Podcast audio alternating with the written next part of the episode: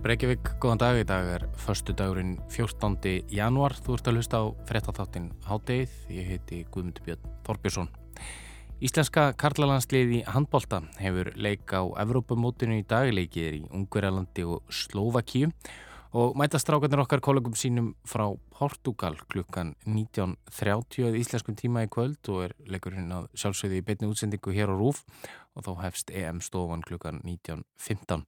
Í síðari hluta háttegisins sláum við að þráðin til Einars Arnar Jónssonar íþróttafrættamanns en hann er stattur í Ungverðlandi og ræðum um leikin í kvöld og óvænt úslit sem áttur sér stað í riðli Íslendinga í gær.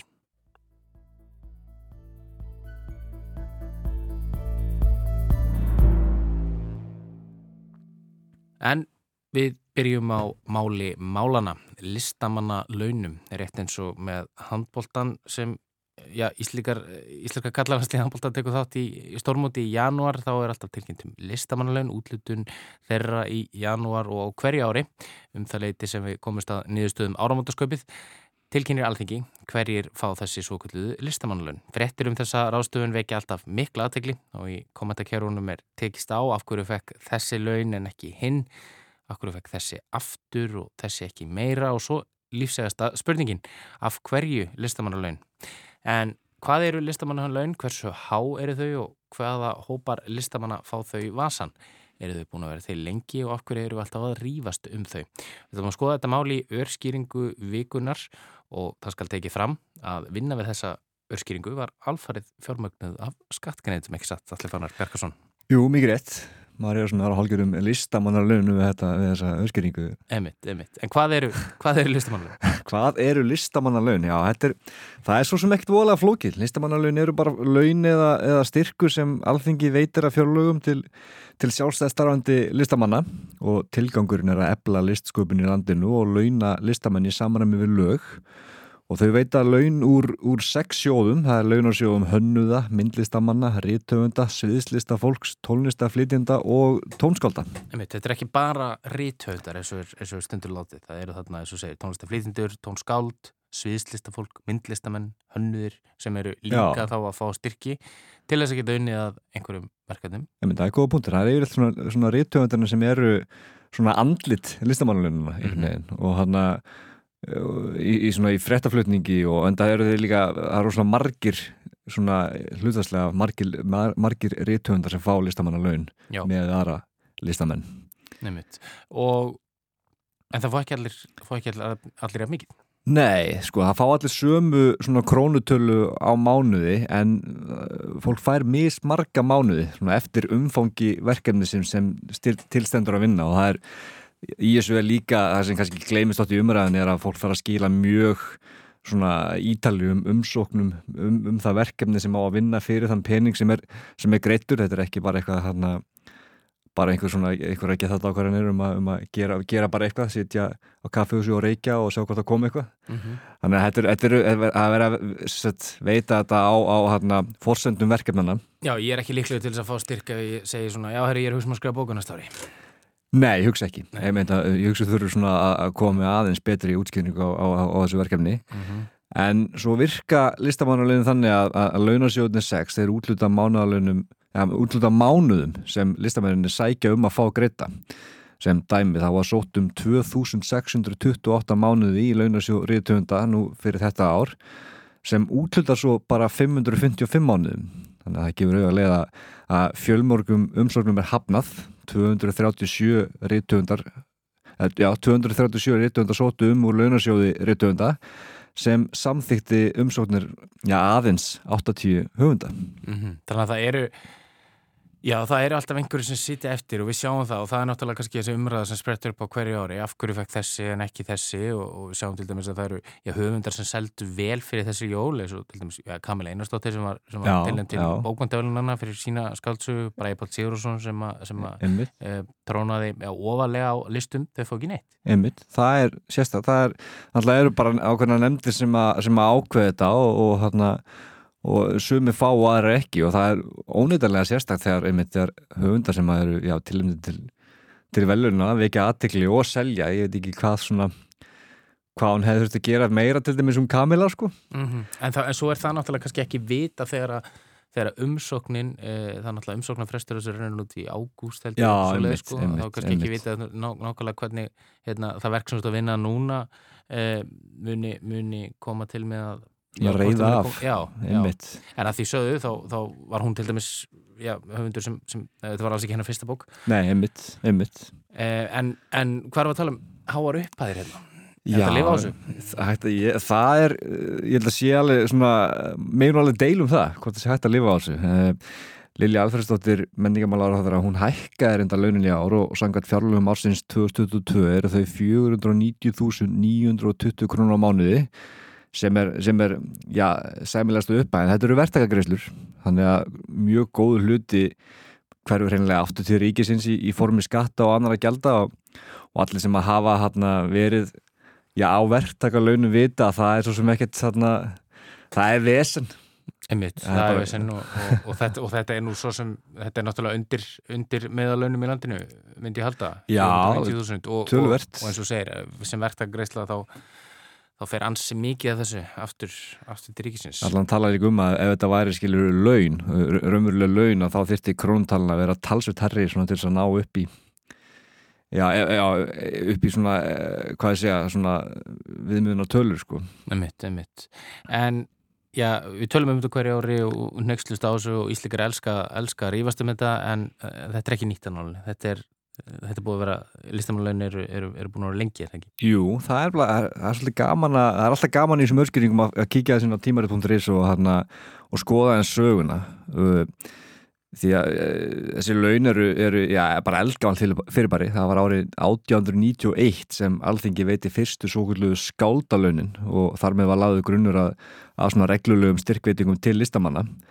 Og þetta er líka, þetta er alltaf verið umdilt hvort sem það er núna í dag í, í komandakerunum eða þá og Uh, og inn á tímari.is þá fann ég til dæmis heimildur um að Íslendingar bara voru að rífast um listamannalaunin eða skáldalaunin allir heldur árið 1896 og þá fundu menn eitthvað að því að Þorstein Erlingsson fengi skáldalaunin vegna þess að hann var ekki kristinn. Og í dagsbrún er í rauninni verið að svara þessari gaggrinni uh, með bara með mörgum upprópunumerkjum alveg bara, já, bókstæðlega mörgum upprópunumerkjum og, og það er bent á að Gorki Hómer nýja Hóras hafi verið kristnir. Einmitt og, hana, og svo er alþingi reynilega bara rósað fyrir að heiðra listina og, og kasta krettunum Já, einmitt, einmitt. Eh, Það er allir jafnir fyrir listamannalönunum Einmitt. saman hvaða trúabröð þau aðhyllast en það, það heyrist oft sko gárugarnir segja eh, hvers vegna eru við að styrkja eh, fólk með þessum hætti er, er ekki bara ef þú ætlar að gerast reytuundur eða tónskáld eða hönnuður eða, eða hvað eina átt ekki bara að geta lifað á því sjálfur. Það er ekki listiðin bara einfallega að vera nógu, nógu góð til þess að þú, þú getur lifað af henni. Einmitt. Og það á samanskapið mjög erfitt að veist, er, er svona það er erfitt að setja listina í þennan kassa að hún þurfa að seljast til þess að ve- vera einhvers virði og alltaf mörg dæmi um listamenn sem að sem að, sem að hreinlega bara eftir að þeir degi úr sulti að þá, þá njóta þeir virðingarinn að þeir áttu skilið. Mm -hmm. þú veist það er svo mikið að örgulega mjög mikið að list sem við hefðum aldrei fengið að sjá að þess að hún hefði verið ofnbeglega styrt og svo finnst mér líka bara mjög merkilegt að velta fyrir sig sko, eh, til þess bara með sko íþróttamenn eins og íþróttafélög og íþróttir á Íslandi eru náttúrulega mjög mikið styrtar af, af skakriðundum þú veist, eiga hana, á blagfólk ekki bara geta vera nógu gott í blagi til að geta lifa af blaginu þú veist, ef ef maður vill fara í þessu umræðu sem eru auðvitað fráleitt fráleitt að, mm að, að hugsa þetta þannig sko.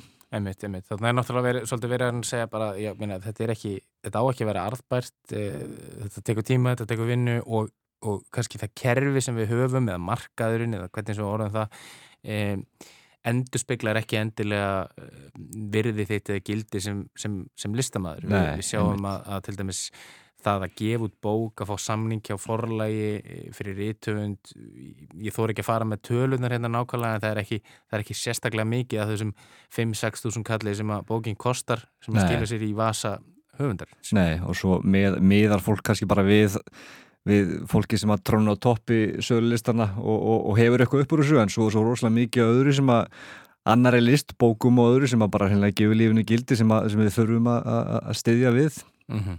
einmitt, einmitt. En það breytir því ekki, það er, það er ennþá verið að rífast um þetta?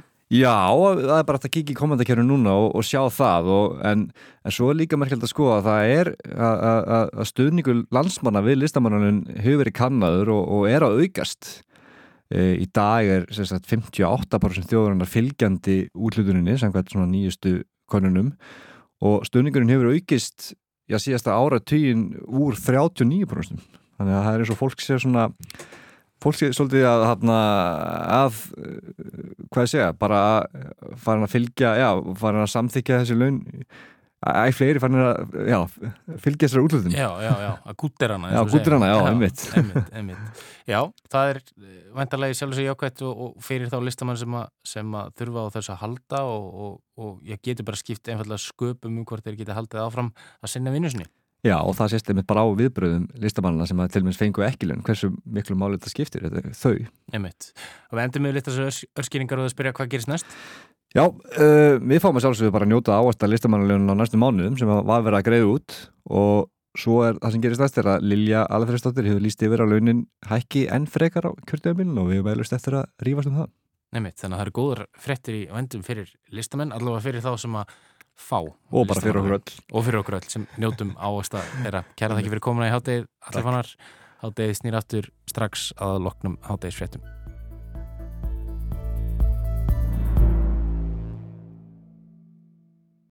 Íslenska karlalandsliðið í handbólta hefur leik á Evrópamótinu í dag. Leikið er í Ungverjalandi og Slovaki og mæta strákarnir okkar kollegum sínum frá Portugal klukkan 19.30 kvöld og er leikurinn í beinni útsendingu á RÚF og þá hefst EM-stofan klukkan 19.15.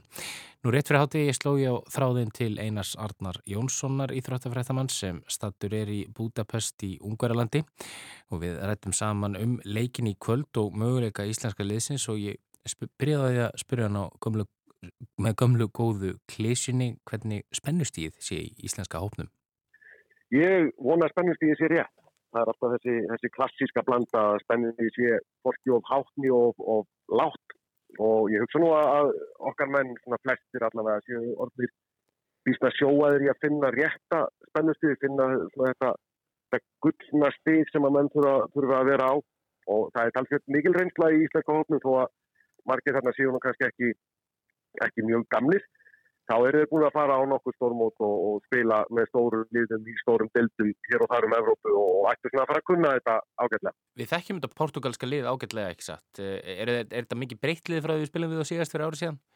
Já, þeir eru aðeins búin að vera í baskli með meðsli.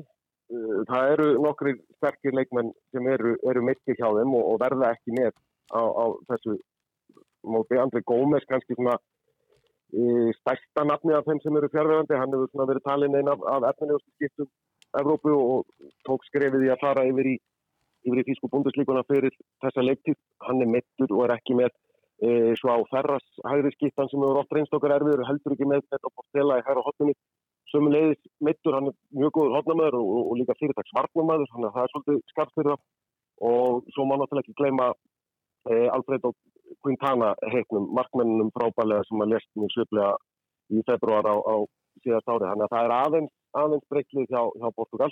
Hann fekk, hann fekk uh, lendi í hjertastoppi á, á æfingu ekki satt í februari fyrra. Jú, jú, og bara mikill harm döði, var frábær, frábær leikmaður og, og líka ljúflingsstrengur. Þannig að það er, ég er náttúrulega bara ræðilegt bæði fyrir, fyrir Porto sem félagslið og Portugal sem landslið að hafa, hafa mistur hann góða dreng. Fyrsti leikurinn í, í reyðli okkar Íslíka fór fram í gær og þar voru heldur betur óvænt úslitt. Já, það hefur verið mikið látið með þetta ungverska lið. Við erum náttúrulega á heimavelli, áttum mjög gott heimsmeistramóti í, í fyrra og svona lið sem er vakstandi og, og þetta var vikslu leikurinn í, í glænirri, risastóri íþróttahöll sem hefur verið reist hér í, í Budapest 21.000 ungverjar að stefja við sína menn gegn Hollandi og, og Erlingur Richardson og, og hans guttar frá Hollandi skemmtaðum bara, unnið þryggjamarka sigur og, og litur mjög vel út, ungverjar að samanskapi litur ekki vel út. Þannig að þetta svona hendir, hendir smá sandi inn í, inn í gangverkið í þessum riðli. Þetta er svona óvænt úrslitt strax í, í fyrsta leik sem að breyta svolítið landslægin í þessum riðli og strax í rauninni frábæra úslið fyrir okkur Íslíka ef við ætlum að, ná, ef við ætlum að reyna á toppsætinu það hefði þá helst verið Ungarland ekki satt sem við verðum að berja eftir þar? Jú, og þannig að það hangir svolítið á, á leiknum í kvöld, en ef við vinnum Portugal í kvöld, þá er næsti leikur okkar við hollendinga á sunnudagin og ef við náum sigri þar, eða náum sigri þessum tveimu leikum, þá er sætið mittirriðli klásta því að innbyrðis viðregnirnar gilda á undan markatölu í, í svona ef við náum, náum sigri þessum tveimu leikum og innbyrðis viðregnirni bæði á Portugal og Holland, þá erum við góðum. Þú sagði við mér í síðustu viku að Portugal væri, nei að fyrir ekki að Holland væri þetta klassiska sínd veiðin ekki gefin, það hefur svo sannlega sínt sig, eða þú ekki von alltaf eins bara á hörkuleik á móti hollendingu þá í, í næsta leik? Já, alveg klárlega, alveg klárlega. Og þeir fullir sjálfströst, þeir náðu að, spila nokkra æfingarleiki fyrir móti og líka okkur íslendingum, þannig að þeir kannski hafa það umfram okkur, en hins vegar verðum að líka segja að, að ungverska liðið hend hentaði hollendingum rosa vel. Ungverðir eru stórir, líka með sterkir en hægir. Uh, hollendingarnir eru litlir, kvikir og, og snappir sem að hentaði ungverðunum bara enga megin og hollendingar bara keirðu yfir það á hlaðan lengst af leiknum í, í gæð. Svoleiðis leikstíð hentar okkur íslendingum hins vegar talsveit betur en að gerði ungverð. Þannig ég held að, að hollenska liði get ekki spilað þessu hlaða trómpi sínu jafn mikið á móti okkur og þau gáttu gert á móti, móti ungverðum en klárlega svona sterk, sterk skilabót til annar að liða í, í þessum riðli og, og mótunni sem að hollendingar sendið í gerð. Einmitt, eh, það hefur mikið verið látið með, með sóttvarnir á, á þessu móti og, og, og hvernig, hvernig þeim hefur verið synd og, og maður hefur heilt sko fleiri neitt þjálfara og leikmann tala um það að það hefur komið um já, töluvert á óvart að þegar þeir koma til Ungarlands, komin á hótel að já, þá e, einfallega eru já, bara aðrir gestir á, á hótelinu, ég vil ekki, ekki með grímu og þess að það er töluvert ólíkt en ólíkt því sem að þeir áttu að venjast í, í Egiptalandi í fyrra. Já, algjörlega. Í Egiptalandi var alveg lokuð blavara eða búbla í kringum liðin og, og hótelin sem að liðin voru á voru engangu fyrir, fyrir liðin. Hér hefur verið farin önnur leið. Það er ekki, ekki þessi svona búbla sem við kannski þekkjum meira en gerða mjög strángar kröfur um bólusetningar og, og neikvægt prófjöðum leikmönnum og, og öðrum sem að, sem að koma á mótinu. Man verður eins og að segja að, að útverðarnir skipuleikendur hefðu nú alveg getað geta eh, farið örlíti lengra í, í aðskilnaði leikmanna og, og annara gesta á hótelunum. Það er náttúrulega engar kröfur um eitthvað próf eða bólusetningar hjá öðrum gestum hótelana. Þannig að það hefur nú kannski mátt svona loka af hæðum allavega sem liðin eru á og skerma af einhver svæði á hótelinu þar sem almenni gestur geta ekki farið. Fyrsta er á annar borðir að gera svona strángar kröfur til leikmanna. Að gera þó ekki útsetta fyrir óbólusettu fólki sem hefur ekki sínt með einn neikvæð próf en deilir með þeim, þeim samiðinu rýmum á, á hótelinu. Einmitt, Guðmundur Guðmundsson talaði um það hérna fyrir mót liði var í, já, í einangrun hérna á Íslandi, e, lokuðu sig af hérna Íslandi til, a, til að smitast ekki og þurfa ekki að lendi sótkví, svo faraður út og, og það er einhvern veginn, já, staðan allt önnur, hann hlýtur að vera bara á nálum og, og liði líka að, að hérna, að fá ekki smitt. Já, ég get alveg ymda með það og ég hugsa að íslenska leiði passir sér mjög vel á hótelinu að vera ekki neinstaður eitthvað á vappi á stöðum þar sem aðrir gestur get, getur verið. Bara einfallega til þess að, að taka ekki neina sensta á því að, að mögulega geta smitast af einhverjum á, á hótelinu. En það verður þá bara að passa sig og, og fara valega og ég veit að Guðmundur og, og HSI brína það fyrir leikmönnum og, og leikmenn alveg öruglega að taka það, taka það mjög alvarlega að gera það eftir að hafa setið í, einangrun heim á Íslandi í, í tvær vikur að það fari ekki eitthvað að slaka á kröfunum hérna, hérna úti þegar hingaði kom. Erum við með okkar, okkar sterkasta lið í kvöld í, í leiknum við Portugal? Er, er einhverju leikmenn sem eru, eru meittir eða tæpir? Nei, ekki, ekki nema bara þeir sem voru þegar hafnir úr, úr leik. Haugur Drastarsson byrjaði aldrei undirbúningin, hann er þá jafn að segja eftir krossbandarsleitir. Svein Jóhansson meittist svo snemma í undirbúningnum og, og Daniel Þorringarsson kom inn í staðin. Allir þeir 20 sem eru hérna úti eru, eru heilir og, og klárir í, í slæm. En við hljótum þó að geta gert á gröfinar að, að já, Ísland, bara í sérstaklega í ljósu úsluðana í gæra, Ísland er falla að vinna hennar riðil því að, því að við tölum náttúrulega um það í síðustu viku að að uh, það vantaði stóra posta á HM í fyrra, íslenska liði náði aldrei þessum takti, Ómar Ingi var svona, fann sig ekki þá síðan þá hefur hann, hann blómstrað og, og var núna valin íþróttumar ársins svo eru við auðvitað með Aron, Aron Palmarsson í liðinu sem er eitt besti handbóltamæri í heimi er þetta ekki, þú fyrir ekki auðvitað gleysina en er ekki mómentið svolítið núna að, að, að grípa gæsina? Jú, ég myndi segja að þetta sé alveg augnablikt fyrir, fyrir okkar menn að brjótast út úr skeliðinni og, og, og ná að sína það sem við vitum að býr í, í liðinu. Það er eins og að óvissan í því er svo að við höfum ekki séð á spila saman síðan í, í mæsíðaslinum og, og þó við séum með alla þessar frábæru leikmenn sem þú taldur upp, Aron Pálmarsson, Ómar Inga, Bjarki Mári Elísson er markahæstur í, í Tísku úrvastildinni og fleiri og fleiri leikmenn sem eru í hörkuformum með sínum félagsliðum. Við vitum ekki alveg hvernig þeir munu smetla saman sem, sem lið inn á vellinum og þeir vita ekki alveg sjálfur að þeir hafa ekki þessa æfingarleiki til, til að byggja. Leikmenn segja hins vegar, allir sem einn og guðmundur líka, að þeir finni opbóslega samstöðu og hungur innan leikmannahópsins. Þessi tími saman á hótelinu hefur svona fært á nær saman og þeir náða að gera þessa, þessa einangrun að jákvæðum hlut fyrir sig sem lið og, og það er oft, oft mikilvægt þegar menn skinnja það innan hópsins að, að það sé eitthvað gott í uppsýklingu og við skulum svo sannlega vona að þeir hafi rétt fyrir sér og við sjáum þetta liði núna grípa gæsina og, og taka þennan liðil og, og klára. Fyrir utan þetta sem þú nefnir að, að liði hafi kannski ekki spilað nægilega mikið saman, hver myndur segja að vera helsti veikleiki liðsins núna? Já, veikleiki kannski innan vallar er, er, er línumannstaðan sóknarlega. Við erum með, með þrjá línumenn, Ellega Snæ Viðarsson, Ímeur Gíslason og Arnar Frey Arnarsson sem eru allir í rauninu miklu betri varnamenn en þeir eru, eru sóknamenn og það kannski kannski þetta mótið sem að einhver þeirra næra að, að stíga skrefið til fulls og eigna sér þessa línumannstöðu sóknarlega en við erum með svo ofbóðslega sterkar handbólta heila í, í útistöðunum öllum hjá okkur að við þurfum að hafa línumann með, með slagkraft til að leta þess undir með, með skittunum okkar. Það verður svona kannski helst í veikleikin okkar, okkar, okkar sóknarlega innan vallar. Annars eru mjög fáir veikir blettir á þessu liði. Ef maður tekur liði bara stöðu fyrir stöðu þá erum við með háklassa leikminn í öllum stöðum og fleirin einn, fleirin tvo og sumstæðar fleirin þrjá í hverju stöðu. Hvað með markinu? Í markinu, já ég menna það er alltaf talað um að markvarslan geti verið vesen. Björgum Báll Gustafsson hefur eins og að spila frábælega í, í deildinni heima á Íslandi og er í, er í góðu, góðu formi og við veitum að þegar hann trekkur í gýrin þá er hann mjög öflugur. Viktor Gísli Hallgrímsson er náttúrulega einhver efnilegasti markmaður í Evrópu. Það hefur eins og verið ekki spila alveg af mikið með sínu liði í, í Danmörku í vetur og, og maður kannski vonaði. En klárlega strákur sem hefur alveg ofbóðslega hæfileika. Svo erum Ágúst Eli Björgvinsson sem að allavega á síðustu mótum sem hann hefur spilað hefur verið svona joker til að koma inn á og eiga goða leiki af varmanabætt. Þannig ég heldur með ágætis blöndu en markvarslan hangi líka á, á varnalegnum að, að miklu leiti og varnalegulegsins hefur, hefur nú ekki verið mikið vandamál á, á síðustu mótum og, og þeir allavega segjast hafa gert svona einhverja blæbreiða breytingar á varnalegnum til að styrkja en ennfrekast, þannig að vonandi hangi það vel saman að vördin tekur sitt og markmenninni taka það sem þeir eiga að gera þar saman. Emitt, og bara alveg í lógin einar uh, þessi vestla hefst í kvöld klukkan hvað? Uh, halv átta, hefstleikur Íslands og Portugal beint á Rúf og Rástöf EM-stofan er á Rúf frá kostir yfir sjó og svo sjálfsögði halvleik og eftirleik.